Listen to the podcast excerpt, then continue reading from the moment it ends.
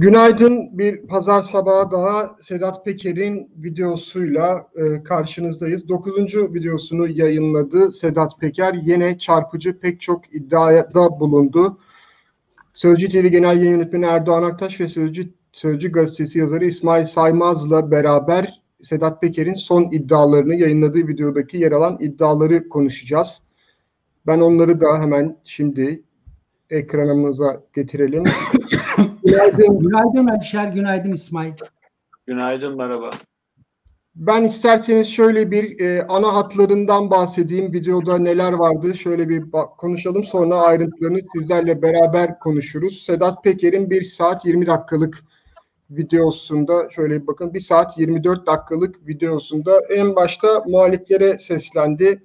Ben bu kirli işleri ifşa ediyorum. Siz bunların peşinden gidin, iktidarı değiştirin gibi bir çağrısı vardı. Süleyman Soylu gene hedefindeki isimlerden bir tanesiydi. Sigorta şirketinin yüzde ve yüzde 5700 büyüdüğünü söyledi ve bu videoda seni bitireceğim iddiasında bulundu Süleyman Soylu'ya seslenerek Yüce Divan'a gideceksin, yargılanıp ceza alacaksın dedi. Kendisinin peşinde bir kendisine yardım eden kendisinin ajanlıkla suçlanmasına çok bozulduğunu gördük bu videoda. Sürekli dönüp dönüp ben ajan mıyım demek ki ben ajanmışım diyerek serzenişte bulunduğunu gördük. Ajan olsaydım ya da Mossad'la CIA ile çalışıyor olsaydım sürekli yer değiştirmek zorunda kalmazdım dedi ki videoda da gördük yeni bir yerdeydi. Arkasında bu sefer perde vardı. Nerede olduğu bulunmasın diye bu perdeyi astığını da söyledi. Kızıyla ilgili Çok bir uzun bir seyahat yaptığını söyledi. Ülke değiştirmiş olabilir sanki Alişer. E, olabilir şaşır, şaşırmam öyle bir hani kendisinin bir ifadesi yoktu ama bir e, artık bir kovalamacanın içinde olduğunu ailemizle bu saatlere kadar geziyoruz gibi ifadeleri de vardı doğru söyledi İsmail. Hedefinde medyadan bazı isimler vardı. Akit TV'yi e, öne, büyük bir yer vermişti. Akit TV'nin haber müdürü Murat Alan'a ya da Akit'ten Şevki Yılmaz'a değindi. Onlara zamanda yardım ettiğini söyledi. Doğu Perinçek hedefindeki isimlerden bir tanesiydi. Ben devlete devlete karşı bir şey yapmıyorum. Nereden çıkartıyorsunuz bunu dedi. E, Binali Yıldırım'a neden olduğunu sen savunuyorsun. Bırak kendisi savunsun dedi. Ben kaset olduğu için oğlun bu işlere girdi dedim. Devlet bu işleri yapıyor demedim. Ya da silahlarla ilgili gene konuda da aynı şeyi söyledi. En fazla sınırını kontrol edemediği için devlete ceza kestir ama oradan para kazananlar kim? Ben onları açıkladım. Niye Türkiye'ye oradan para gelmiyor gibi bir açıklaması vardı. Çeşitli kesimlere mesaj vermeyi sevdiği için olsa gerek gene e, cezaevindeyken Hadep dedi, PKK'ya yakın dedi. Öyle bir suçtan birisine yardım ettiğinden bahsetti. Cezaevinden çıktıktan sonra bir gün otururken PKK bayraklı kişilerin İstanbul sokaklarında gezdiğini iddia etti. Çözüm sürecini aslında biraz göndermede bulunarak ben o döneme ona tepki olarak bir şey yapayım diyerek Rize'de teröre karşı mücadele mitingi yaptığını söyledi. O hep oluk oluk kan akıtacağım ifadesini meşrulaştırmaya ya da anlatmaya çalıştığı söylemlerini tekrarladı. Daha sonra gene Süleyman Soylu hedefindeki isimlerdendi. Da en önemlisi Metin Külünk'ün adını gene andı. Kendisiyle bir telefon görüşmesi yaptığını da söyledi ki anladığımız kadarıyla yakın tarihli bir telefon görüşmesi gibi geldi bana. Soracağım hem Erdoğan Aktaş hem İsmail Saymaz'ı. Çünkü Biden-Erdoğan görüşmesini işaret eden bir telefon görüşmesi oldu. Diyorlar yayınlandıktan sonra görüşmüşler ya. Çünkü evet öyle gözüküyor. Oraya da geleceğiz. Ben ayda 10 bin dolar yolladığım bir milletvekili yok. Çok daha büyük paralar veriyorum ifadesini de kullandı. Hatta e, yanlış hatırlamıyorsam gene Metin Külünk için her ay 10 bin dolar yolladığım milletvekili yok. Daha çok yolladıklarım var. Seçim zamanı geldiğinde Metin Külünk'ün arabasına para bıraktık ifadesini de kullandı gene konuşmanın içerisinde. Yeğeni üzerinden kurduğu bir bağdan bahsetti. E, Demirören ailesi ve Doğan Holding'in Doğan Medya'nın satışı gene gündemindeydi. Ziraat Bankası'ndan bu işin alındığını söyledi. Sizin paranız da alındı diyerek izleyenlere seslendi. Gazeteci Veys Ateş hedefindeydi. Habertürk'teki programda arası, arasında kendisinin eski sağ kolu olan Erdal Aras'la bir telefon görüşmesi yaptığını söyledi. Neden susuyorsun diye Veys Ateş'e konuştu. Kendisiyle saatler süren bir görüşmesi olduğunu, tanışıklıklarından bahsetti. Eee Emniyet Genel Müdür Yardımcısı Resul Holoğlu'nun 5 Aralık'ta iş adamı Sezgin Baran Korkmaz'ı aradığını ve İçişleri Bakanı Süleyman Soylu'nun ile birlikte İçişleri Bakanlığı'nda bir görüşme yaptığını ve bunun üzerine ertesi güne hemen e, Sezgin Baran Korkmaz'ın yurt dışına gittiğini söyledi ki ki en büyük Süleyman Soylu'ya yönelik en büyük e, iddia buydu. E, Sezgin Baran Korkmaz'ın yurt dışına Kendisi gitmesi. Resul Hort diye ifade ediyor. Onu da belirtelim. Yani Evet. videoda Resul Hort diye ifade ediyor. Organize suçlardan sorumlu emniyet müdür yardımcısı. Benim bildiğim kadarıyla ya da internetten aradığım kadarıyla Resul Holoğlu ama o olabilir ama Sedat Peker'in isim konusunda pek de iyi olmadığını herhalde e, hemfikirizdir. E, Veys Ateş'e Veys'i diyor. Ya da dünkü Ekşi onunla da Ekşi diyordu. E, konuşacağız. Benim notlarıma şöyle hızlıca bir baktığım zaman görebildiğim en önemli şey bu İçişleri Bakanlığı'nda yapıldığını iddia ettiği giriş çıkış saatlerine kadar verdiği, tarihine kadar verdiği görüşmeydi. Diğerlerini de tek tek konuşalım. Buyurun ben sözü bu noktada size bırakayım. Sizin öne çıkaracağınız ya da ayrıntılandıracağınız neler var? Çok var e, önemli konu aslında. Doğan grubunun satışını kendi organize ettiği baskının ardından çok daha ucuz fiyata olduğunu ve onların geri ödenmediğini söylüyor.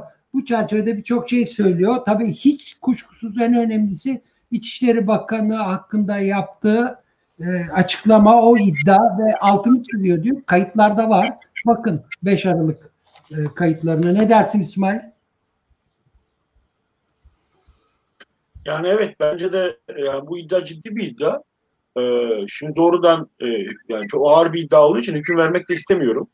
Ee, ancak e, yani e, işte 5 ve 6 Aralık tarihlerinden söz ediyor Sedat Peker.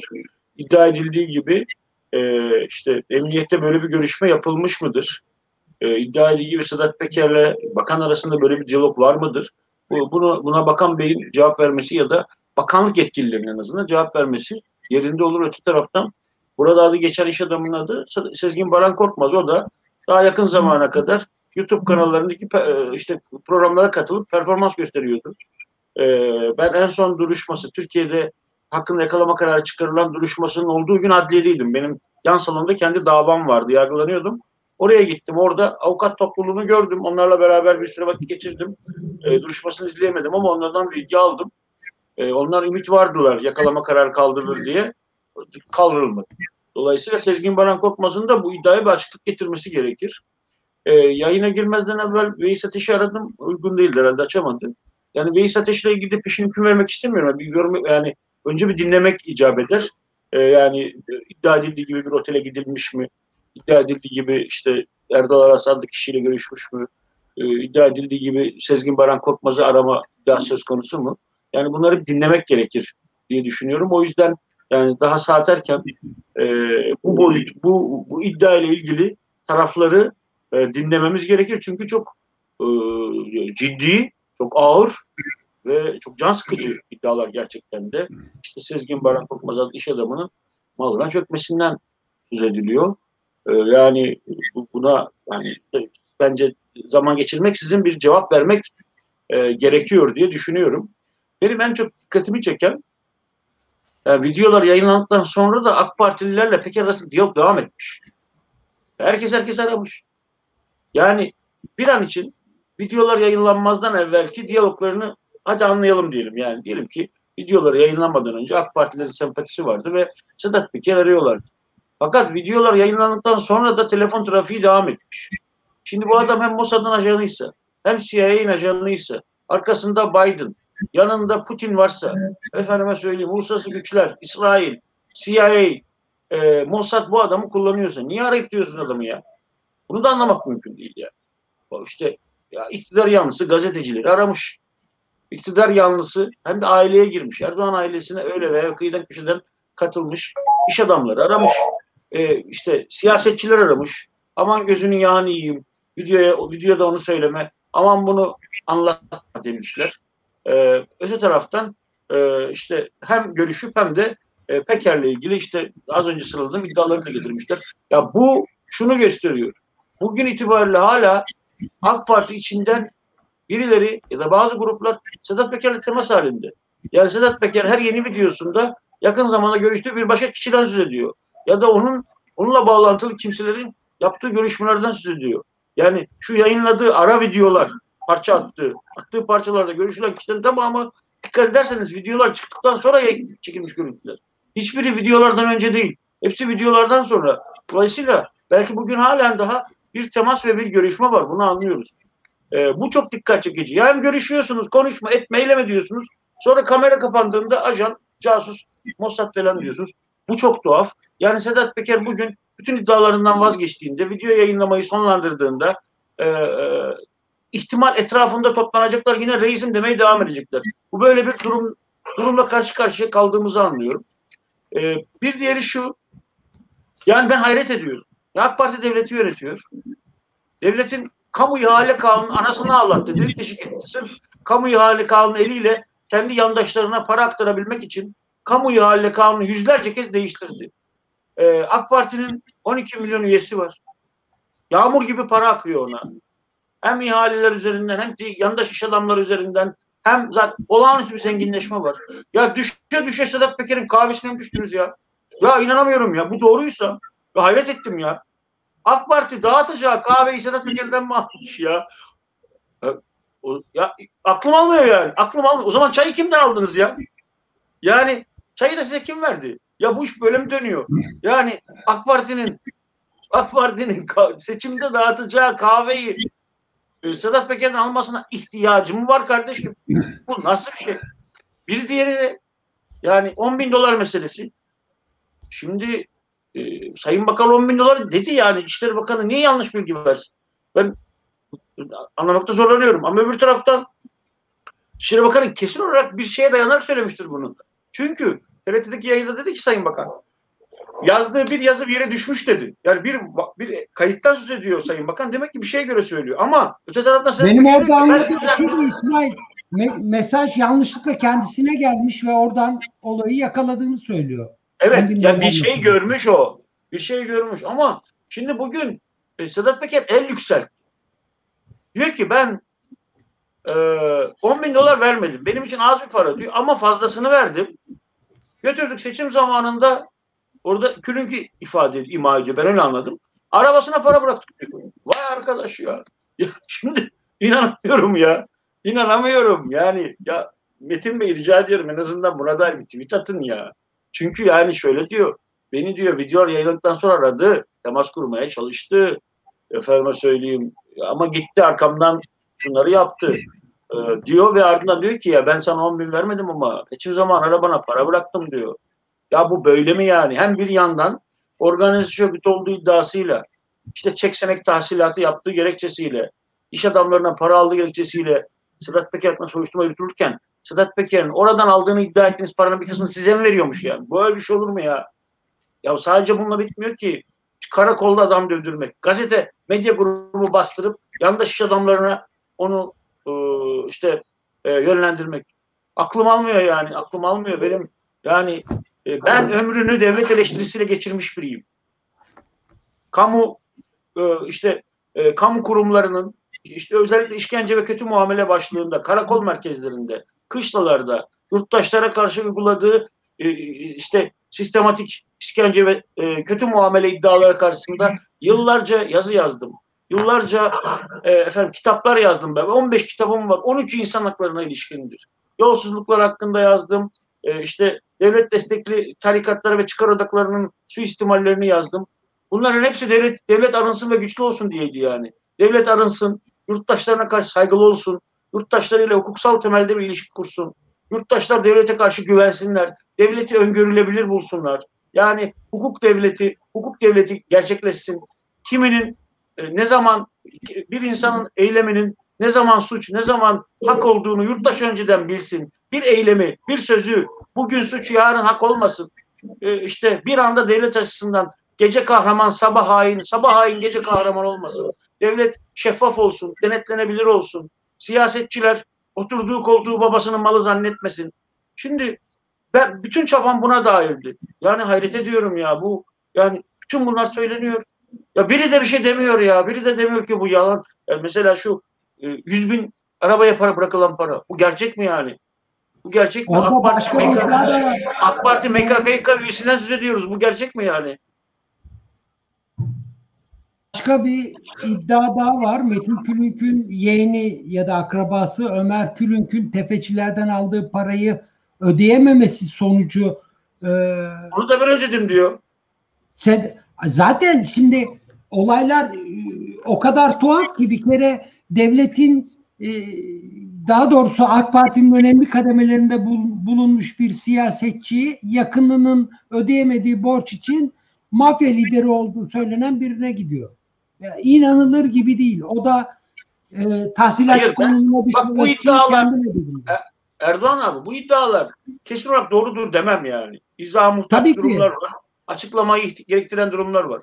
Ama ya Metin Gülük'le ilgili şöyle bir durum var. İlk günden beri açıklama yapmıyor ya. İlk günden beri yani el insaf Metin Bey el insaf yani. Türkiye Cumhuriyeti'nin eski milletvekilisiniz. El insaf AK Parti'nin MKYK üyesisiniz. Yarın belki milletvekili, yarın belki bakan olacaksınız. Etmeyin gözün yani bu yurttaşa karşı bu kayıtsızlık niye, bu sorumsuzluk niye? Yani kimse bunlar doğrudur demiyor. Ama siz doğru değil deyin en azından. Rica ediyorum. Yani Türkiye Cumhuriyeti bu şaibeyle yönetilebilir mi? Ee, yani ne hakkınız var? Ne hakkınız var? Şimdi iktidar sizden yana diye, şimdi siz iktidarsınız diye, şimdi bütün basın, basın kontrol altında, sizin kontrolünüz altında diye ben cevap vermem mi diyorsunuz? Olur mu yani? Olur mu? Buna bir cevap verin. Ne demek e, Peker'in verdiği parayla seçim kampanyası yürütmek? Peker'in verdiği kahveyle e, e, propaganda yapmak ne demek Allah aşkına? Yani benim hafsalam almıyor. Devlete dair bütün teorilerim çöküyor, giderek çöküyor. Ve işin Bir korkunç şey söyleyeyim bak. Bir şey söyleyeyim. Bir şey söyleyebilir miyim Alişe? Ben geçenlerde yazdım. 19 o- 1981'de Kahramanmaraş'ta 12 Eylül'den sonra kayıt altında 4 kişi Maraş, Afşin e, de ve Gaziantep Emniyet Bölümünde işkencede öldürülmüştür. Bunlar devrimci ve sosyalist gençlerdi. Biri Mehmet Yürek, efendime söyleyeyim. Diye Ali Ekber Yürek, özür dilerim. Ali Ekber Yürek. Bir diğeri e, Mehmet Ceren. Bir diğeri e, e, Fehmi Özarslan. Bir de bir kadın e, e, Cennet Değirmenci. İşkencede öldürülmüştür. Bunlar işkencede öldürüldüler. Ben bu o dönemin bu işkencelerden sorumlu tutulan Kahramanmaraş Sıkı Yönetim Komutan Yardımcısı Yusuf Haznedaroğlu röportaj yapmıştı 2011 yılında. Hiç kimseye yani bir noktaya konuşmuştu 86 yılında bir de ondan 25 yıl sonra 30 yıl sonra bana konuşmuştu. Bir daha da konuşmadı. 2017'de zaten hayatını kaybetti Yus- Yusuf Haznedaroğlu. Şimdi ben çat kapı gitmiştim evine. Beni kabul etti. 30 yıllık eşyaları var. 30 yıllık eşya. Ölmek için söylemiyorum. Yani işkence ve kötü muameleden sorumluydu. Bunu devleti adına yaptığını düşünüyordu. Devleti adına yani devrimler komünistti, ülkeyi yıkmak istiyorlardı. Karakolda da olur böyle şeyler. O dönemde 7 kişi ölmüş. Yani öyle bir dönemde bu da olur. Öyle bakıyordu. Yani buna bu düşünceye katılmak mümkün değil. Bu dü- düşünceyi kabul etmek mümkün değil. Ama yani gittiğimde yani bir eli yağda bir eli balda gibi bir manzara bekliyordum. Öyle değildi yani. Şimdi onun o devletin böyle bir işlediği suçlar vardı ama yapmayacağı şeyler de vardı. Öngörülebilir bir şey. Yani şimdi bu nedir ya? Yani bir devletin öngörülebilir olmaktan çıkması ne demek? Siyasetçisinin öngörülebilir olmaktan çıkması ne demek? Hukuk devletinin öngörülebilir olmaktan çıkması ne demek? O nedenle ben siyaset kurumunun buna bir cevap vermesi gerektiğini e, düşünüyorum. İsmail üstelik e, bugün bugün çıkıp birilerinin konuşması gerekiyor. Neden? Tabii ki birçok nedeni var. Söz konusu iddialar sen ısrarla altını çiziyorsun. Buradan yola çıkarak bunların peşinen doğru olduğunu kabul etmek doğru bir hareket değil. Tamam. Fakat iddialarda diyor ki şu tarihte, şu saatte ve şu kayıtlara bakın. Hemen o kayıtların çıkarılıp Türkiye Cumhuriyeti Devleti'nin işte e, savcıların ya da hükümetin o kayıtları çıkarıp senin az önce ifade ettiğin saygılı olması gerektiğini söylediğin halka açık açık açıklaması lazım. Şunu demesi lazım. Bu anlatılanlar yalan. Bakın bu saatte böyle bir şey yok. Tabii. Tabii. E, Mesela ve- şu otel buluşması doğru mu ya? e, diyor ki kayıt var. Bak orada başka Hayır, orada- isimler de var. Yani öyle şey gibi Kurtlar Vadisi sahnesi gibi işte Bölge İdare Mahkemesi Başkanı, bir işte bilmem bir gazeteci, bir bu, bu doğru mu mesela şimdi bu sahne doğru mu? Varsa olmaz demiyorum. Olabilir yani. Böyle masalar ben de oturdum yani. Böyle bürokratlarla gazete yani böyle her gazetecinin hayatında böyle sahneler olur da gazete nereden bilgi alacak? Peki nedendir? Bu buluşma nedendir? Yani bir izah e, e, gerekmez mi? Hiç şüphesiz. Orada adı geçen başka isimler de var. Bu Özgün Emre Koç'un e, Twitter'da sırayla yazıyor. Benim de notlarımda da var. Biraz sonra Özgün Emre de belki yayınımıza katılacak. Ee, o otelde Ankara Bölge İdare Mahkemesi Başkanı Esat Toklu'dan bahsediliyor. Aynı zamanda Koruma Daire Başkanı E- Ekrem Güler'den bahsediliyor ve bu eski koruması ve Silivri Emniyet Müdürü'nün intiharına neden olduğu iddia ediyor bu kişinin. Ee, aynı zamanda Veysi'den bahsediyor, Muğla Emniyet Müdürü'nden bahsediyor ve e, Sezgin Baran Korkmaz'ın tehdit edildiğini söylüyor ve bütün bunların kayıtlı olduğunu söylüyor. Yani ne demek kayıt? Orada havada kalan bazı yerler var. Şu açıdan söylüyorum. Mesela e, Veys'e de ifade ettiğinde bunlar kayıtlı gibi bir ifadesi var. Bu kayıttan Ben kastı orada ne? kayıt şunu anlıyorum galiba. Program arasında Erdal Aras'ın e, Veys'le görüştüğünü iddia ediyor. Herhalde böyle bir kayıttır yani. Öyle mi anladım ben? Öyle Ben, anladın? ben de şunu şunu anlıyorum. E, oteldeki e, bu adı geçen Paramount Otel'deki e, herhalde giriş çıkışlar oradaki yaşam Bu alanları. otel Bodrum'da değil mi? Bu otel nerede? Bodrum'da Evet. mı? Evet. Bodrum. Zaten Muğla Emniyet Müdürü'nün de dahil olduğunu e, söylüyor ve e, bütün bunların açıklanması lazım. Mesela sadece başkasının parasıyla tatil yaptığı için bir savcı hakkında soruşturma yapılmıştı hatırla 17-25'te. Evet. Ve doğal olarak haklı olarak Ali Ağoğlu'nun Ama o da Dubai'ye falan gitmişti. Sadece de o Tabii değil. ki, Mısır'a mı gitmişti? Dubai'ye mi gitmişti? Zekeriya Öz. Ali Ağaoğlu'nun Evet, parasını evet. Dubai. Evet evet evet bu bu bütün bunlar açıklanmıştı ve hakkında da soruşturma yapıldı filan.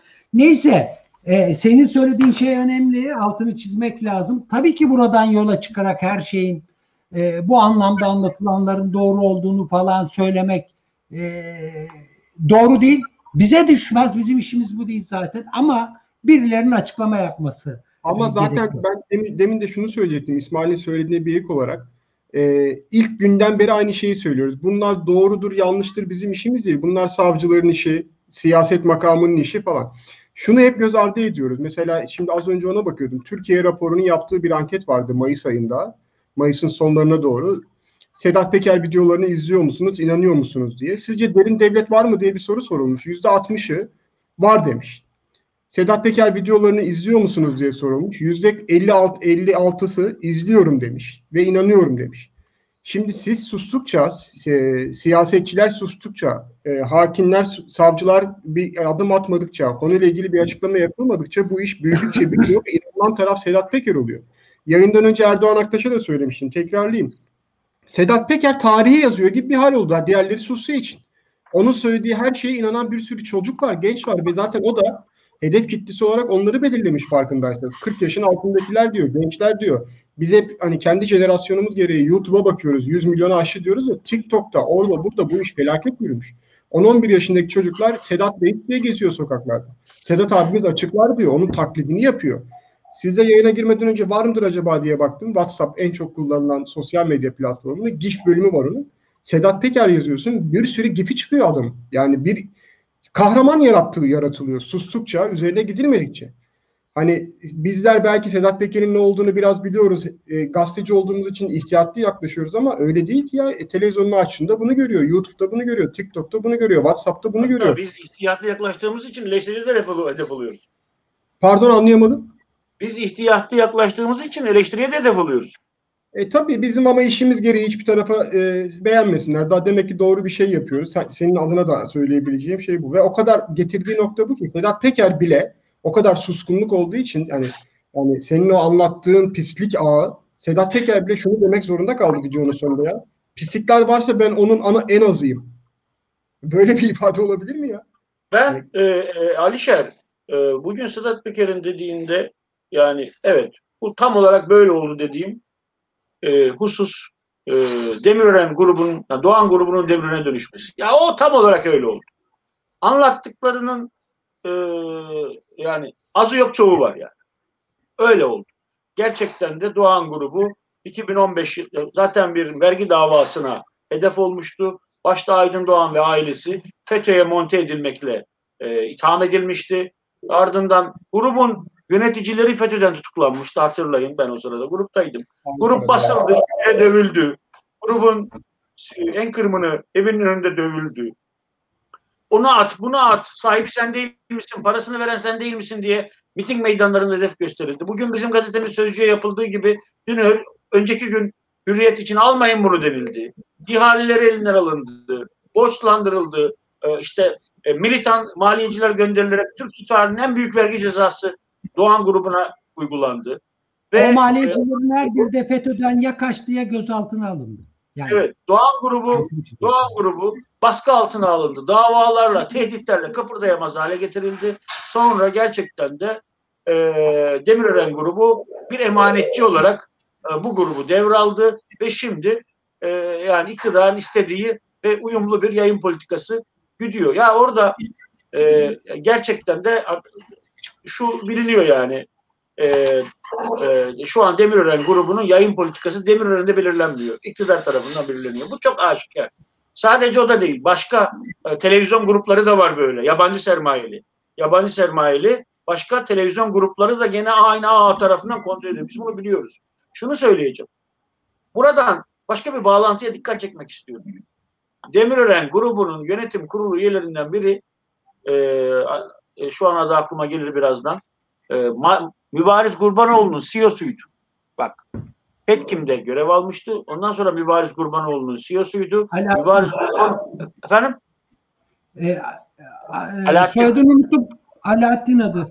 Alaaddin. Aytek, Alaaddin Aytek değil pardon. Neyse, Gelir aklıma. Ee, bu kişi, Alişer bakabilirsen çok sevinirim. Alaaddin e, şeye. Bakarım ben.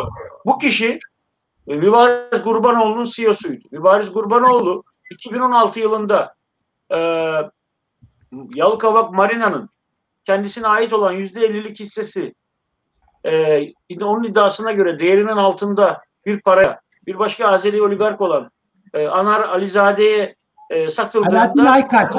Berkay, Alaaddin Aykaç ve iki adamını suçladı. Dedi ki ben bunlara yetki verdim pazarlık yapmaları için e, ve Yalıkavak Marina'yı 200 milyon dolar olan değerinin çok altında neredeyse 10-15'te biri fiyatına 32 milyon dolara e, elimden çıkmasına sebebiyet verdi diye Alaaddin ve iki, iki eski yöneticisi hakkında dolandırıcılıktan dava açtı. 2016 yılında Bakırköy 2. Ağır Ceza Mahkemesi'nde açıldı ve bu dava devam ediyor.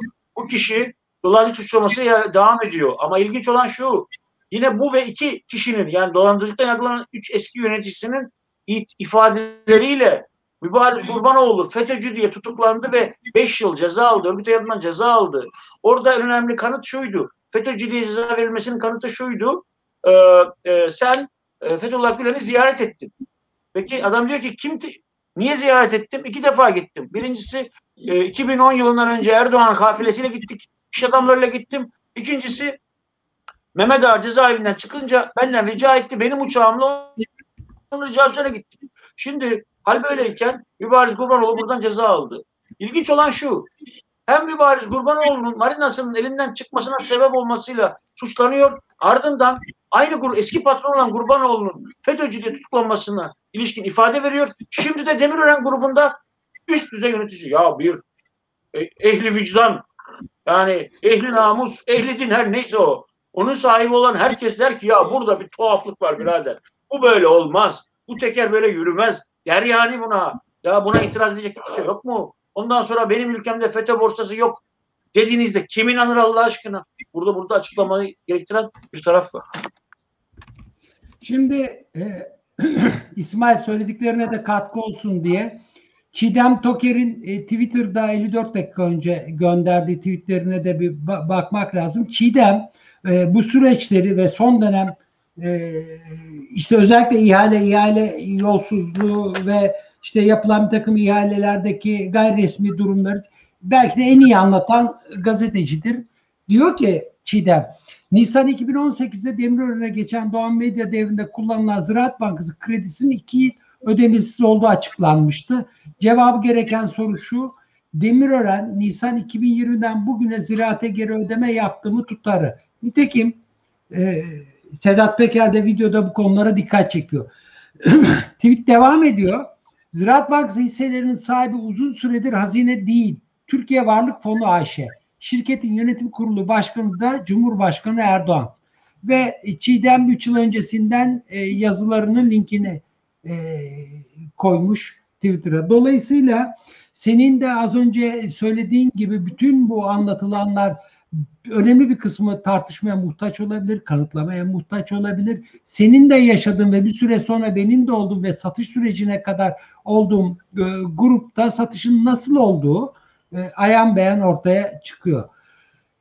Bir de imar yolsuzluğundan söz ediyor. Zaten Türkiye'de e, İsmail özellikle yolsuzlukların ne olduğuna bakacak olursak en çok imar durumu ve imarla ilgili yapılan oyla hiç şaşıran olmaz ki yani. Daha İmamoğlu söyledi ya. İki tane vaka söyledi.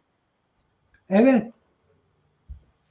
Ee, yani kendi ödediği bir, bir- e, emanetçi olarak aldığını ileri sürdü ki öyle olduğu konusunda birçok kişi de hemfikir. Zaten işin bu noktasında olup bitenler İsmail gizli kapaklı şeyler değil ki. Ee, yani hepimizin bir kez daha şaşırması gereken şey bu anlatılanlar değil. Bunların defalarca anlatılıyor olması. Bunların defalarca anlatıldığı halde hiç kimsenin bir şey yapmaması, hepimizin şaşırması. Bazı şeyleri yazdılar, FETÖ'cü diye hapse attılar insanları. Ee, kimisini Ergenekoncu diye attılar. Sonra tekrar çıktı, onları tekrar Adalet ve Kalkınma Partisi hapse attı falan. Gazetecilerden e, bahsediyorum. Dolayısıyla şaşırılacak bir durum yok ortada. Demirören'le ilgili olarak belki Azerbaycan'ı işaret etti. Azerbaycan'la ilgili alınan ihalelerin falan konuşulması gerekir ki orada da e, lotori ihalesi mi öyle mi denir? Hani bu loto ihalesini e, aldığını biliyoruz. Oradaki loto sistemini de onun yönettiğini e, biliyoruz ama e, Sedat Peker kamuoyu baskısıyla özellikle Ziraat Bankası'na ödenmeyen kredilerin e, belki bir kez daha gündeme gelebileceğini e, söylüyor. Gelir mi bilmeyiz tabii. Bile- bilemeyiz. Tabii. Ben müsaadenizle e, bir Özgün Emre Koç e, hazır aramıza Tamam. Politico'da ilk günden beri e, hem bir merhaba diyeyim hem de ilk günden beri Twitter'da oluşturduğu flutlarla e, Sedat Peker'in ne dediğini ne yaptığını anlamaya çalıştık. Hoş geldiniz yayına Özgün Emre Koç. Merhaba, hoş buldum. İyi yayınlar E, diliyorum. bir, bir Merhaba. isterseniz son videoyu sizden bir dinleyelim. Sizin e, sizin çarpıcı bulduğunuz diğer videolarla kıyasladığınızda size e, ilginç gelen ya da burada sizi şaşırtan ne oldu son video için? Yani aslında e, oldukça yüklü, iddialar bakımından oldukça yüklü bir videoydu.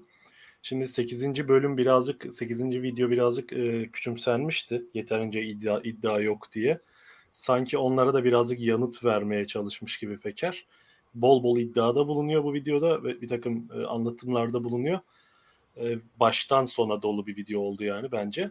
E, ancak tabii ki 8. videodaki çok önemli bir nokta Suriye meselesi. Suriye meselesiyle ilgili e, bu videoda yine hafif bir değini de bulundu ama esas bu videoda önemli olan e, bence e, Soylu'ya isnat ettiği bir e, işte aranan bir iş adamının işte hakkında tahkikat bulunan bir iş adamının yurt dışına kaçmasını sağlama iddiası. E, bunun da yüce, yüce divanlık bir suç olduğunu söyledi. E, Se- Sezgin Baran Korkmaz'dan bahsediyoruz. İşte bunun 45 milyon dolarlık bir e, al- alacağı var. Bu alacağı bir- şöyle bir operasyondan bahsediyor. Bu alacağın tahsilat günü gelmeden e, Sezgin Baran Korkmaz'a hakkında tahkikat var denilip yurt dışına kaçması sağlanıyor ve 29'u bu e, borcun tahsilat tarihi. 29'undan bir gün önce de Sezgin Baran Korkmaz'ın evine operasyon düzenleniyor. Karısı gözaltına alınıyor. Muhtemelen e, kendi iddiasıyla yine gözdağı vermek için. E, aile üyelerine bir takım e, saldırılarda diyelim bulunarak bu tip e, girişimlerde bulunarak insanları yıldırma korkutma yöntemleri olduğunu söylemişti daha önce. E, bunu da o şekilde değerlendiriyor ve yine bu videoda bence çok önemli bir nokta e, İş Bankası'na eski koruma müdürünün e, emniyet koruma müdürünün daha kendi koruma müdürü aynı zamanda daha önceden Süleyman Soylu'nun İş Bankası'na sokulması, yönetime sokulması ve burada İş Bankası alacaklı alacaklılarının, İş Bankası'nın alacaklı olduğu kişilerin e, borçlarının tespit edilip bunlara ilişkin bir takım operasyonlar yapıldığını ima etti.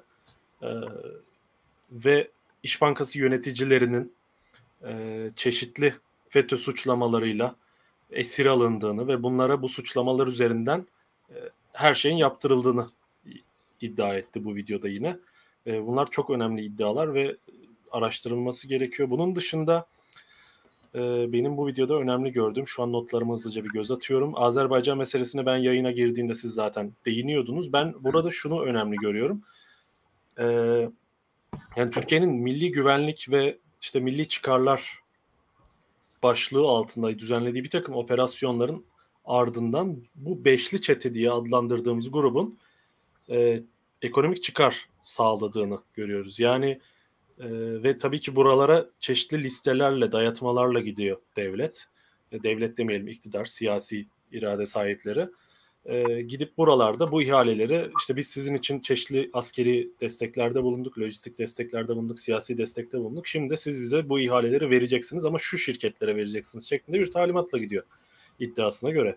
Ve zaten siz söylediğiniz Demirören e, buradaki şeyi almış, piyango ihalesini almış. Otoyol ihalelerini, bütün otoyol ihalelerini e, bu beşli çete grubuna verilmiş inşaatları. E, bunun dışında önemli olan Külünk'le ilgili ilişkisine değindi. Külünk'ün yeğeninin borcunu ödediğini söyledi. Külünk'ün yeğeni tefecilere takılmış ve tefeciler e, tefecilerden bu borcun tahsilatı için yardım istiyor Metin Külünk. Sedat Peker'den. Sedat Peker diyor ki ben bu işlere girmek istemiyorum. Ben artık adamı unutturmak istiyorum. Tahsilatçı mahsilatçı denmesin bana istiyorum. Beni bu adamlarla muhatap etme. Ne gerekiyorsa parayı ben cebimden çıkarayım verip çıkarayım vereyim deyip e, bu ödemi yapıyor. 300 bin lira yanlış duymadıysam. Orada Külünk'ün anladığımız yeğeni. kadarıyla Özgün Emre Koç bir kere e, seni tebrik ediyorum çünkü Twitter üzerinden tarihe not düşüyorsun. Çok basit ama e, çok önemli bir şey yaptın ilk başta. Gerçekten tebrik ediyorum. Yani yeni medya ve yeni gazetecilikle sen bunun en önemli örneklerinden birini verdin. Bunun altını çiziyorum. Bir kez daha tebrik ediyorum. Teşekkür ederim. Bu bu e, çerçevede e, o dönem e, Sedat Peker'in biraz kendini aklama ya da bu tahsilat işlerinden uzak kalma e, kaygısı içerisinde olduğunu da anlıyoruz. Çünkü Hı hı. kendisi ifadesine göre Metin Külünke diyor ki ya ben burada devreye girmeyeyim. Çünkü benim burada yine tahsilat yaptığım falan söylenir. Gel bu parayı birlikte ödeyelim diyor ama sonra sadece kendisinin e, Evet. ödediğini Bir söylüyor. grup iş adamını davet Evet. ediyor. Onlar hiçbirisi ödemiyor. Sadece kendisi şey cebinden çıkarıp veriyor bunu. Evet. Devam et lütfen. Ee, burada önemli olan bir e, önemli husus da şuydu anlattıkları içerisinde bu Metin Külünk meselesiyle ilgili çok daha sıkı ilişkileri olduğunu anlıyoruz buradan açık açık söylüyor ve e, Külünk üzerinden Almanya'ya para gönderdiğini, Almanya'daki ülkücülere, oradaki işte Osmanlı ocakları ve benzeri yapılara para aktardığını söylüyor Peker. Yine çok önemli bir iddia. E, partiye, AKP'ye seçim zamanlarında dağıtsın diye daha doğrusu parti ondan e, talep etmiş anladığım kadarıyla. Tarihi Beyoğlu kahvecisi markası adı altında e, onlarca milyon liralık kahve vermiş. Seçim zamanlarında bunlar halka dağıtılmış. Diyor ki bu, bu marka bana ait. 5 kuruşta para vermediniz bunlar için. Yani ben bu anlatımlardan partiyle ilgili, ilgili bu anlatımlardan şunu anlıyorum. Ha bir de şunu söyledi onu da ekleyeyim. Daha sonra değerlendirmemi yapayım. Ee, ben 10 bin dolar vermiyorum bir milletvekiliye, milletvekiline. Bunu bana nasıl yakıştırırsınız? Ben verecek olsam yani ben çok daha fazla paralar veriyorum. 10 bin dolar falan vermem. Az bir kişi diyor değil, yani bir- o para az diyor. evet az diyor. Bir kişi değil. Ben bir Başkalarına da verdiğini söylüyor. Başka milletvekillerine Evet, de verdiğini söylüyor. evet, evet. Başka vekillere hatta işte vekil olmayan belki yönetici, bürokrat vesaire her neyse bunlara da verdiğini söylüyor. Şevki Yılmaz'a da vermiş. Onun da oğlu milletvekili kendisi eski Şey, milletvekili. bizzat evet. Yani bizzat aslında işin başlığı şu seçimi e, bazı vekillerin, adayların ya da siyasilerinin seçim propaganda faaliyetlerini finanse ettiğini söylüyor. Yani Evet açıkça açıkça yani şey gibi düşünün. Ee, bu Latin Amerika'daki e, kokain kartellerinin vesaire fonlayıp hükümete girmesini sağladığı, bizzat iktidara gelmesini sağladığı siyasetçiler Bakan vardır. Veya var. Evet. bakan yapar, işte Amerika'da senatör yapar, çeşitli iktidar e, düzeneğinin bir yerine yerleşmesini sağladığı insanlar vardır. E, Peker de bu, bu tür insanları anladığım kadarıyla oynamış. Peker birçok insana yardım etmiş. Zaten şöyle bir şey diyor orada. Benden diyor yardım eden hiç kimseyi, yardım isteyen hiç kimseyi çevirmedim. Düşmanım olsa bile çevirmedim diyor. PKK'dan hapis yatan birisi vardı diyor. Bacakları yoktu diyor. Bu kişi benden o zaman hapisteyken böyle yardımlar yapıyordum diyor. E, bu kişi benden yardım istedi. Buna elektronik e, bacak taktırdık diyor. Protez bacak yaptırdık diyor. E, Peker'in e, şu an sahip olduğu muhtemelen zaten önemli istihbarat ağının, e, kişisel istihbarat ağının, başka ağlar da olabilir ancak kişisel istihbarat ağının arkasında böyle zaten geçmişten kuru, kurmuş olduğu, geçmişten gelen ilişkileri var. Ben araya girip Ee, bir şey daha söyleyebilir miyim? Tabii ki. E, dünkü videoyu da konuşmak lazım aslında. İsmail sana da e, soracağım onu. Neden? Çünkü dünkü videoya baktığımız zaman ki bu zamankileri de değerlendirdiğimizde iki unsur ortaya çıkıyor. Bir tanesi şu. e, bu durumda dahi 9. videosu yayınlandı. Bu sürece kadar e, Türkiye'den ve e, AK Parti içinden çok ciddi bir bilgi akışı var. E, Sedat Peker'e. Çünkü bu e, e, Serhat Ekşi Ekşioğlu yani onu ona e, ithafen dediğinde bana böyle böyle diyorsun sonra arkamdan iş çeviriyorsun diyor bir bilgi akışını ortaya koyuyor. İki. AK Parti ve çevresinde çok ciddi ve girift ilişkileri var. Yani çok üst düzey e, ya da her düzeyden e, Sedat Peker'in ilişkileri var ve bu ilişkileri çok iyi kullanmış. Tabii bütün bunlar hani kendi iş dünyasına da e, iş hareketlerine diyeyim yani nasıl yansımış onları bilmiyoruz ama bu ilişkileri çok iyi kullanmış. Ee, İsmail dünkü videoda hatırlarsan özellikle Fatih Tezcan'ın kendisini aradığını devlet içerisinde gizli bir yapılanma olup Sedat Peker'in o örgüt gibi davrandığını söylüyor. Çok dikkate alınması gereken bir durum değil mi bu? Yani e, Sedat Peker'in anlattığından anlıyoruz ki Fatih Tezcan, Mehmet Ağar'a ve MİT'e karşı olan ve AKP'ye karşı olduğu söylenen bir örgütten bahsediyor. Bunun çok ciddi konuşulması gerekmez mi İsmail? Yani şimdi orada az önce söyledim. Belli ki e, Sedat Peker videoları yayınlarken onunla temas halinde olan AK Partililer var. Yani her aşamada. Bugün hala belki de. E, yarın belki de Sedat Peker tarafından videoları yayınlanacak olan bilemiyoruz. Ama bir irtibat var ve sürüyor onu anlıyoruz. Bunlardan biri de Fatih Tezcan vakası. Ki kendisi ön aldı aslında. Geçen günlerde Sedat Peker'le işte fitneye sebep olmamak adına görüştüğünü söyleyerek e, yani biraz ön aldı. Fakat tam olarak ne konuştuğu da e, ne konuştuğunu şimdilik onun çerçevesinden dinlemiştik. İlk kez şunu anlıyoruz. Fatih Tezcan işte arabuluculuk mu her neyse yani Pelikan grubuyla Peker arasında bir arabuluculuğa girişmiş ve bu arabuluculuk esnasında devletin yani sırf Pelikan adlı Pelikan e, diye tanımlanan aslında iktidara destek vermek üzere sosyal medya kampanyaları e, yürüten bir şirketi savunmak adına ya devletin istihbarat kuruluşunu karalamış ya. Ya inanamıyorum yani. Ya MIT'i bak MIT'i Peker'i MIT'le birlik olup hükümete operasyon yapmakla suçluyorlar. Ya bizim arkadaşlarımız Murat Ağarel, Barış Terkoğlu, Barış Pehlivan sadece Libya'da şehit düşmüş bir MIT görevlisi hakkında onun cenazesinin haberini yaptı diye içeri girdi ya. Ya bu nasıl bir şey? Yani şehit MİT görevlisinin cenaze haberini yapınca insanların tutuklandığı ülkede iktidar yanlısı bir gazeteci Sedat Peker'e gidip sen MİT'le birlik olup hükümete operasyon yapıyorsun diyebiliyor ya. Yani böyle bir imtiyazlılar rejimi ben görmedim. Ee, iktidar yanlısı, iktidar yanlısı olanların her yasayı çiğneyebildiği, her hukuku çiğneyebildiği, her geleneği çiğneyebildiği bir döneme girdik ya. Böyle bir şey görmedim ben. Ya buna yalanlayan da yok kardeş. Yani ben demiyorum ki o doğru söylüyor ama yalanlayan da yok. Yani MİT niye gitsin Sedat Peker'le işbirliği yapıp hükümete operasyon yapsın? Yani kimse MİT adına da kimse bunu demiyor ya. Yani kardeşim ne saçmalıyorsunuz diyen de yok. Yani mi, yani bizim arkadaşlarımıza mı gözünüz kesti? Cenaze haberi yaptılar diye. Onlara mı gözünüz kesti yani? Aklım hafsalam almıyor benim.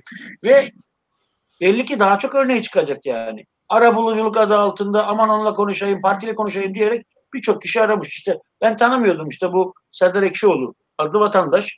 Ee, iddia o ki e, Sayın Cumhurbaşkanı'nın ailesinden biri.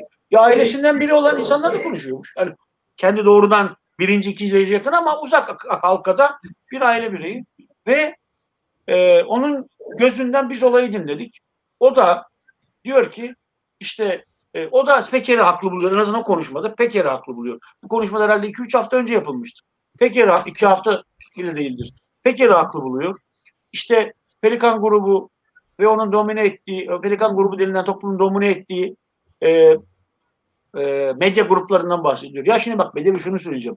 Ben pelikan tanımını kullandığım için terör örgütü propagandasından iki defa soruşturuldum. Sabahın köründe terörle mücadele şubesine gittim ifade vermeye. Sadece pelikan dediğim için ya. Hakkımda üç soruşturma başlatıldı. İkisi aynı cümleden ötürü. Yani bir buçuk yıl önce bir video YouTube e, kanalında yaptığım ifadeden ötürü. Terörle mücadeleye gittim. Savcılığa gittim. Beni adli adliye gezdirdiler. Sadece Şimdi benim Pelikan anlamadığım dediğim- İsmail Pelikan mı terör örgütü? Sen onun propagandasını hayır yaptın. pelikan diyerek ben pelikan diyerek terör örgütü propagandası yapmışım. Hı. Ve terör örgütünün de üyesiymişim. Hangisi? FETÖ'ymüş. Ya bunun için savcılar işlem yaptılar. Korkuya bak ya. Bu işte ben de gittim dedim ki ifademde kardeşim dedim ben bunu bir yerimden uydurmadım. Ben bunu Bülent Arınç'tan duydum dedim. Ben Ahmet Davutoğlu'ndan duydum bunu dedim. Bunu AK Partililerden duydum. Benim kaynağım onlar. Onları tanık gösterdim. Takipsik verdiler. Onlara da bir şey yapılmadı. Ne? Böyle bir şey olur mu yani? Yani şimdi ben Pelikan dedim diye terörle mücadele şubesinde ifadeye veriyorum. İfadeye gidiyorum. Ee, bir kişi bir kişi Sedat Peker bu örnekte Sedat Peker Sedat Peker ya da Ekşioğlu, Fatih Tezcan Pelikan adlı yasal kimliği bile tartışmalı, hukuk sistemi tartışmalı bir grubun medyayı yönettiğini söylüyor. Yaprak kımıldamıyor ya. Yaprak kımıldamıyor yani. Ya biz gene gidelim teme, biz adliyeye gidelim ifade. De, beis yok da. Ya bu devlet yönetilebilir bir devlet mi sizce? Bu, hukuk- bu hukuk mu sizce? Yani bunu şunları işitenler ya e, e, bizim bu böyle bir hayata layık olduğumuzu düşünüyor mu sizce? E, o nedenle yani e, bu e, işte, bu, bu- ben e, işte az önce şimdi yenileri bak mesela izlerken takılmışım bazılarını kaçırmışım mesela işte Avrupa'ya Metin Külünk üzerinden Avrupa'daki oluşumlara yardım. Ya bu Türkiye'nin e, üç, Almanya'da 3, Avrupa'da 5 milyon vatandaşını risk altına, okkanın altına atmak demek ya. Okkanın Zaten altına Alman atmak. devleti Alman devleti bunlar hakkında çeşitli soruşturmalar yürütüyor. Hatta bunları tespit etti, belgelerini yayınladı. konusu. Yani olmaz ki yani gerçekten bir şey de diyemiyorum artık yani gazetecilik çizgisini de zorlamak istemiyorum. Ee, ama Türkiye Cumhuriyeti'nin yurttaşı olma övündüğüm Türkiye Cumhuriyeti'nin yurttaşı olma e, olmam nedeniyle bir vatandaş olarak diyorum ki abi Allah rızası için bir izah. Hiçbir şey yoksa bile siyasi partiler yasasına aykırı birçok faaliyetten söz ediliyor burada. Hiçbir şey yoksa dahi. Yani bir de Hayır ihtiyacı da sorun- yok ki. Yani AK Parti Ya- gibi büyük bir partinin devleti yöneten kamu ihale kurumunu zaten delik deşik etmiş bir partinin e, bir dolu yanda, yani yan- yandaş müteahhitli sadece Türkiye'de değil dünyada da gezdiren bir partinin Sedat Peker'den kahve alma ihtiyacım var yani. O da biraz yani eğer o kadar olmuşsa bu e, vay haline memleket. Özgün Emre Belki- Koç, sizin yo- yorumunuzu da bir alayım mı? Ne, içen, içeriğinde ne olduğunu söylediniz ama sizin yorumlarınız, analiziniz nedir son video ile ilgili? Yani e, bence şöyle zaten son videoda şu e, bir önceki videoda şunu söylemişti. E, Erdoğan'la helalleşeceğiz ifadesini kullanmıştı.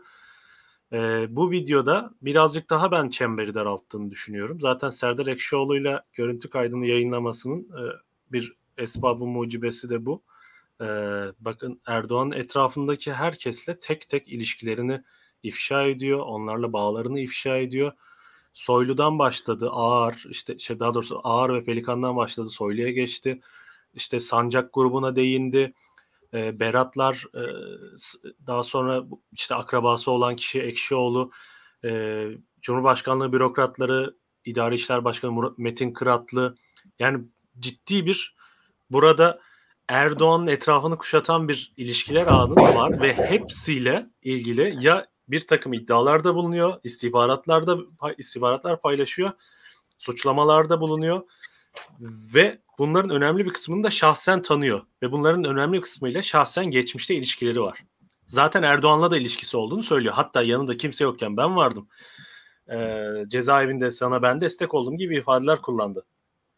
Ee, şimdi ben e, bu videoda da vurguladı. Ben saygısızlık yapmayacağım ama diyor. O konuya da geleceğiz diyor. Üstülü ört, üstü örtülü olarak Erdoğan konusuna geleceğini, bu işin sonunda Erdoğan'la bir e, hesaplaşmaya döneceğini kendi adına söylüyor ve e, şu önemli. Yani İş Bankası yönetimiyle ilgili meseleler işte Sezgin Baran Korkmaz'ın etrafında yani o otelde toplanan işte hakimler, emniyet müdürleri vesaire meselesi bu. Yani korkunç bir çürümüş ilişkiler ağı devlet e, sıfatına yakışmayacak o ko- makamları işgal eden kişilerin e, devletin e, yetkilerini sıfatını taşımaya hak, e, hak etmeyen kişiler olduğunu görüyoruz. O hakimiydi, bürokratıydı çeşitli isimlerin. Yani fakat sorun şu. Sedat Peker iddialarda bulunduğu kişiler ve ilişkiler içinde olduğu kişiler hepsini göz önünde bulundurduğumuzda bu kişiler devletin kendisi olmuş. Yani bu kirli ilişkiler ağı Türkiye'de devletin kendisi olmaya başlamış bizzat. Yani şöyle bir şey diyorduk. Aklansın, kim varsa sorumlular hesap versin. Ee, devlet aklansın, devletin üzerine şaibe düşmesin. Türkiye Cumhuriyeti Devleti bu konumlara düşmeyi hak etmiyor diyorduk. Fakat e, nereden başlayacağız bu işi soruşturmaya? Bu halk kimden e, bunun şeyini soracak? Yani kim hesap verebilir yani bununla ilgili? Gerçekten e, devlet kendi içinde böyle bir uru, böyle bir kisti e, temizleyip atmaya şu an muktedir mi? Böyle bir devlet ne kadar kaldı? Bunu artık görmek için ciddi bir şeye ihtiyacımız var. Türkiye'de siyasi iklimin tamamen değişmesine ihtiyacımız var. Zaten açıkça da e, Sedat Peker de şunu söylüyor. E, bu iktidar gittiğinde her şeyi çok daha iyi göreceksiniz. Yani ben de leblebi çerez anlatıyorum size diyor. Daha hiçbir şey bilmiyorsunuz diyor. Ben de böyle düşünüyorum. İktidar değiştiğinde daha net bir şekilde göreceksiniz. Ve hatta şöyle bir iddiada bulundu. Ben şu an diyor e, yurt dışında oradan oraya yer değiştiriyorum diyor. Çeşitli işte yerim buluyorlar diyor. Hatta kendisini öldürmek için e, uluslararası suç örgütleriyle e, bu cinayet şebekeleriyle görüşüyorlarmış. Böyle bir iddiada bulunuyor. Bunlar yüzünden bunlar ve çeşitli şeyler yüzünden işte arama tarama faaliyetleri yüzünden yer değiştiriyorum sürekli diyor. E, şimdi onlar benim e, zamanı gelince diyor bana bunu yapanlar kendisi düşecek bu konumlara diyor ve yurt dışına kaçacak ülke arayacaklar gibi böyle çok iddialı konuşuyor ve diyor ki yani bu iş e, bir hatta ve hatta e, 40 yaş altına şöyle seslendi muhaliflere 40 yaş altına. Yani bu sistemi yeniden kurmak gerekiyor. Yani bakar mısınız böyle baya e, solcu, devrimci bir jargon üzerinden konuşuyor, hitap ediyor seslendiği kitleye. Tabii bunu bunları sosyolojik nedenlerle yani belli bir siyasi strateji bağlamında yapıyor ama içerik itibariyle şu anlamda. Bu sistemi baştan kurmanız gerekiyor diyor. Yani ben size her şeyi anlatacağım ve gerekirse ölüme gideceğim diyor. Siz bu sistemi baştan kurmazsanız bu işin içinden çıkamazsınız diyor özetle yani. Ben yani, Özgün Emre'nin söylediklerine katkı olsun diye bir iki e, araya gireceğim. E, e, sözünü kestim. Kusura bakma ama söylediklerini destekleyecek şekilde. Videoya başlarken e, Türkiye'deki belediyeler üzerinde yolsuzluğun nasıl yaptığının bir tarifini çiziyor. Bağış yapıldığını, sonra aradaki evet. paranın nasıl alındığını. Hayır hasenat işlerinden bahsediyor. Hayır hasenat evet. tırnak içinde. Evet. Sonra e, sen az önce dedin ya özellikle işte devrimci solcu bir e, söylem e, ya da öyleymiş gibi görünen bir söylemden bahsediyor. Ondan sonra bir iletişim stratejisinden bahsediyor ve Güneydoğu'da insanlara dışkı yedirilmesinden bahsediyor. Evet, evet. Onu Benim kızıma ne yaptılar? Ben bunun intikamını alıyorum. Çok basit bir şey olduğunu bununla kıyasladığında. Ee, orada çocuğun yanında dışkı yedirilen insanlar neler yapmaz? İşte siz nasıl kafasısınız diyor. Bak en sonunda şuraya geliyor. Beni arayanlar çocuk maması ve bez istiyor. Eskiden başka şeyler isterler diyor. Dolayısıyla bir siyaset de yaptığını düşünüyorum ben. Yani Türkiye'deki sistemin yönetilemez olduğunu artık yeniden kurması gerektiğini söylüyor tamam ama ardından da bir eleştirilerini çok akıllıca yaptığını düşünüyorum. Çünkü aslında Sedat Peker'in sesi direkt AK Parti seçmenine hitap eden bir ses. Öyle bir ton aynı zamanda. E, siyaset bilimciler ve işte iletişim bilimciler bu konuda belki farklı analizler yapabilir. O yüzden hitap ettiği kitle çok önemli. Bütün bunların az önce Özgün Emre Koç'un da e, ifade ettiği gibi bütün bunları da araya koyarak bir nevi bir politika üretiyor Sedat Peker. E, sadece sanki tek bir kitleye var mı acaba? Şunu da ekleyerek e, sor- sormuş olayım ben? E, sizin de belirttiğiniz o çemberi daraltma konusunda Recep Tayyip Erdoğan'ı biraz ayrıştırdığı e, bir gibi bir şey de var sanki değil mi? Şu şey mesela çok ilginç gelmişti bana tam da bu videoda. Tayyip abiye de dedim e, Atatürk'ün yaptığı gibi çırağından çık Hatay'ı al. Yani o dönem Atatürk'ün e, yaşadığı işte çırağına hapsolmuş bir Atatürk. Dolmabahçe'den, Yalnızlaştırılmış, Dolmabahçe'den. Dolmabahçe'den e, yalnızlaştırılmış bir Atatürk. E, ama Hatay elden gidiyor diyerek çık dışarı. Yani diyor ki çevren kuşatılmış, sen de yalnızlaştın, sen bunlardan haberin yok olan bitenden ki videoda değil mi bir örnekten de bir savcının gidip işte İslam Cumhuriyet Başsavcısının gidip Erdoğan'a bu para işini sorduğunu, Erdoğan haberim yok dediğini. Erdoğan hala Cumhurbaşkanı Erdoğan'ı hala ayrı bir yerde tutarak bu şeyi yapıyor sanki. AK Parti seçmenine seslenmesinde de bu var sanki. Şöyle düşünüyorum ben. Erdoğan Bey'in değerlendirmesi burada yerinde. Ee, Peker tek bir yere, tek bir sosyolojiye seslenmeye çalışmıyor. Bakın Kürtler hakkında bir takım e, hesaplaşmalara giriyor kendisiyle. Yani Kürt meselesiyle ilgili yapılan konularla ilgili bir takım itiraflarda ve hesaplaşmalarda bulunuyor. Bir, iki, Alevilerle ilgili uyarılarda bulunuyor. Diyor ki Aleviler sakın provokasyona gelmeyin. Bakın Gazi'de yapıldı. Bunları Mehmet Ağrı yaptı size. Yine yapmaya çalışıyorlar diyor.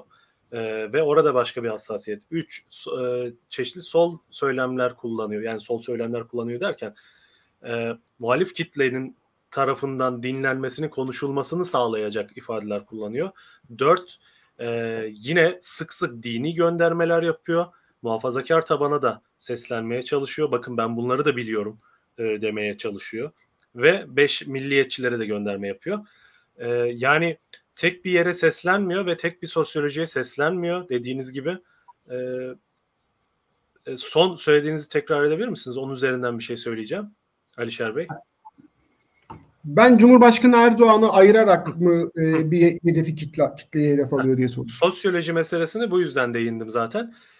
Erdoğan'ın da bir sosyolojisi var. Tüm bunların haricinde Türkiye'de bir Erdoğan sosyolojisi de var şu an.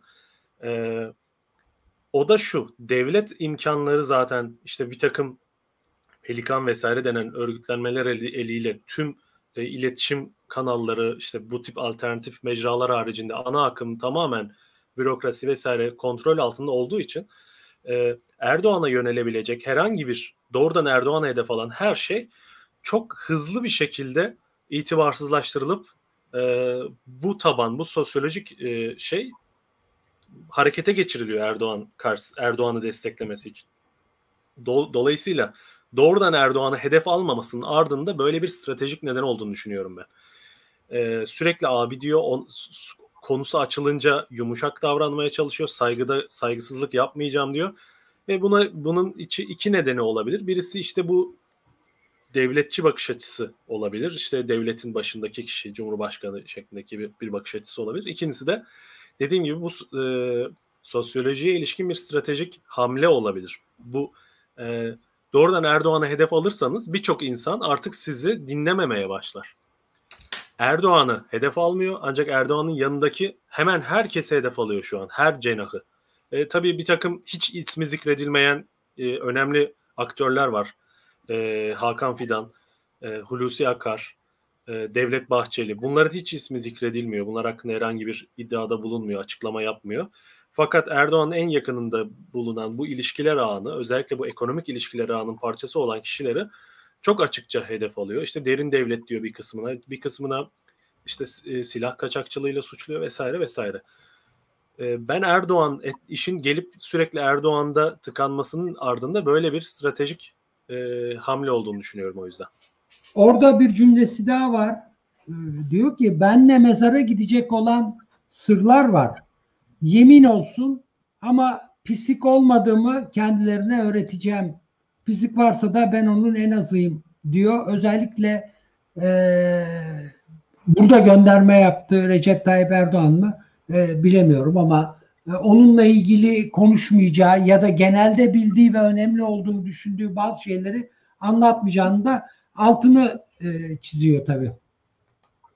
Yani e, orada hep dediğim gibi orada bir şey sağlam temkinli olmaya çalışıyor er, e, Erdoğan konusu açıldığında. Fakat sürekli yaptığı işin kendisine bakarsak bambaşka bir tablo var.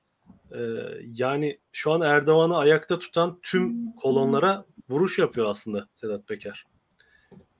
Erdoğan'ın e, iktidarını ayakta tutan kim varsa Soylu e, bir taraftan işte Albayraklar bir taraftan işte Mehmet Ağar vesaire ekibiyle olan ilişkileri bir taraftan hatta bugün başkalarının da zikrettiği işte ilk kez Akit'ten bahsetti Doğu Perinçek'e e, hafif değindi. E, yani bir şekilde Erdoğan'la ilişki içerisinde olan az önce zikrettiğim ve tenzih ettiği kişiler hariç şu an Erdoğan iktidarını ayak tutan herkese e, bir şey yapıyor, atakta bulunuyor. E, Bunu yapıyorsanız o kolonlar sarsılırsa o binada çöker yani. Şu an aslında yaptığı şey bu. Doğrudan Erdoğan'a saldırmıyor. Ancak Erdoğan'ın üzerinde durduğu sac ayaklarına saldırdığınız zaman zaten Erdoğan'ı aşağı alaşağı etmiş olursunuz. Yaptığı şey bu. Evet. Özgün Emre Koç e, çok teşekkür ediyorum değerlendirmeleriniz için, görüşleriniz için. E, öyle gözüküyor ki haftaya ya da hafta içi yeni videolarla tekrar sizin tweetlerinizden hatta yayında da sizde tekrar bir araya gelme imkanınız olacak. Teşekkürler yayına katıldığınız için. Ben teşekkür ederim. Sağ olun. İsm- İsmail bir açıklama bekliyor musun? Mesela normal Bekliyorum koşullarda bugün gün içinde bir açıklama olabilir. Hayır beklemiyorum. Yani Neden? Sen yönüyle ümit var değil. Yapmadılar yani. Bugüne kadar yapmadılar ki bugünden sonra bir açıklama yapsınlar. Ben ihtimal vermiyorum. Sedat Peker ateşinin sönümlenmesini bekleyeceklerdir. Yani reytinginin işte bu- bundan bir önceki videonun ondan öncekinden daha izle, az izlenmiş olması nedeniyle pik noktasından geriye düştüğünü düşünüyorlardır. Dolayısıyla e, bu ateş böyle küllensin diye bekliyorlardır. Bekleyeceklerdir. İsmail az izlendiği tahmin edilen yani en fazla 300 bin 500 bin az izlenmişti. Son işte yani herhalde- biri, biri 17 milyon, diğeri 14 milyon. İşte diyorlardır ki ya 3 milyon düşmüş. Belki bu da bir 2 milyon daha düşer. Yani herhalde öyle bir hesaptır ne bileyim. Yani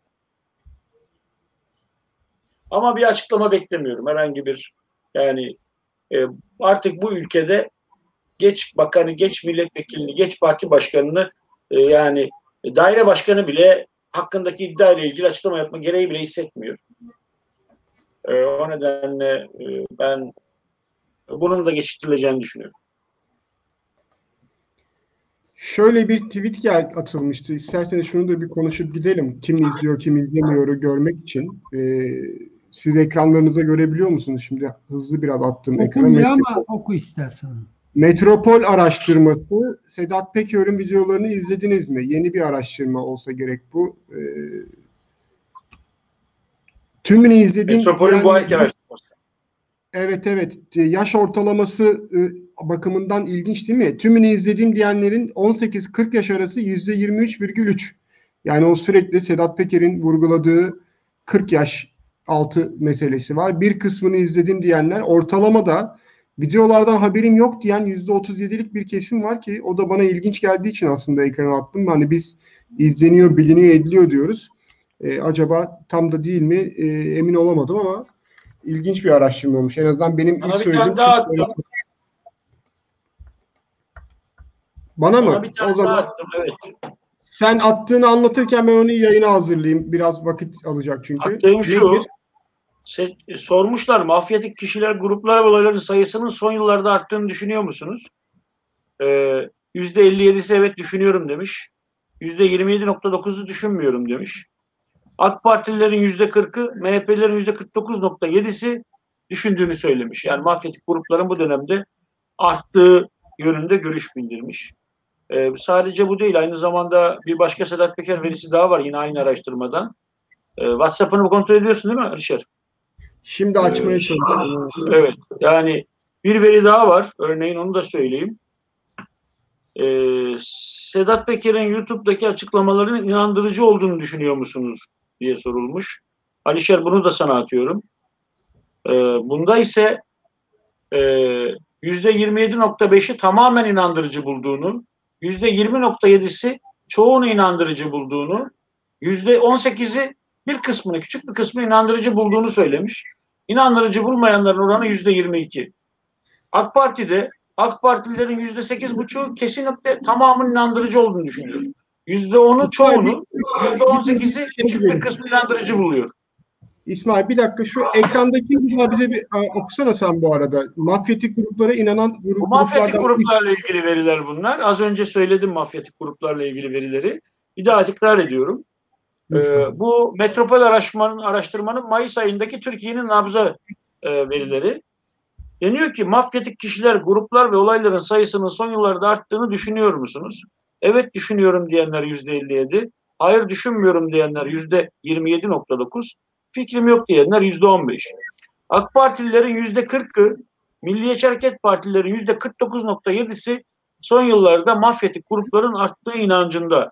CHP'lilerin yüzde 75'i, İyi Parti'nin yüzde 86'sı, HDP'nin yüzde 76'sı, Saadet Partisi'nin yüzde 82 de zaten bu yönde. Ama burada dikkat çeken e, iktidar yanlısı, iktidara oy vermiş seçmen gruplarında yaklaşık yarısı aynı görüşte. Bir diğer veri de Sedat Peker'le ilgiliydi. Onu da attım sana. Onu da şimdi hazırlıyorum ben. Orada ne görüyoruz? Onu sen bu arada Burada da şöyle sorulmuş. Sedat Peker'in YouTube'daki açıklamalarının inandırıcı buluyor musunuz? Tamamen inandırıcı diyenler yüzde 27.5, çoğu inandırıcı diyenler yüzde 27 nok- 20.7, küçük bir kısmı inandırıcı diyenler yüzde 18, inandırıcı bulmuyorum diyenler yüzde 22.6. Bu topluluklar arasında AK Partililerin yüzde 8.5'u tümünü, yüzde 10.2'si çoğunu, yüzde 18.1'i küçük bir kısmını inandırıcı buluyor. AK Partililerin yüzde 49'u inandırıcı bulmuyor. MHP'lilerin yüzde 13.3'ü tamamen, yüzde 11.5'i çoğunlukla yüzde 29.2'si küçük bir kısmını inandırıcı buluyor. Bulmayanların oranı yüzde 39.8. Yani AK Parti tabanı da ve MHP de yarı yarıya bölünmüş durumda.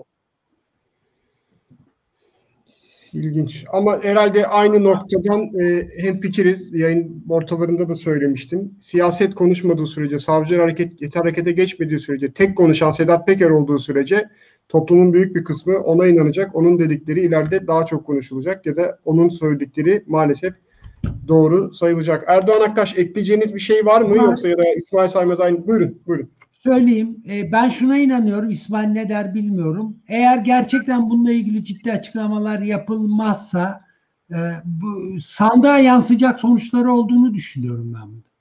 Şimdi tabii şöyle düşünülebilir. E, neyi açıklasınlar? Hani eğer doğruysa bazı şeyler. Fakat bir Sayın Cumhurbaşkanı neden susuyor? Çünkü bildiğimiz Recep Tayyip Erdoğan liderlik vasfı gereği özellikle konuların üstüne gider, isim zikreder, altını çizer, gerekirse hakaret eder, gerekirse yargılar, kamuoyu nezdinde onun e, prestijinin düşmesini sağlar ve işaret eder. Burada öyle bir şey yapmadı. Yani e, suç örgütü lideri olduğu ileri sürülen isme adını söyleyerek sen şusun busun demedi.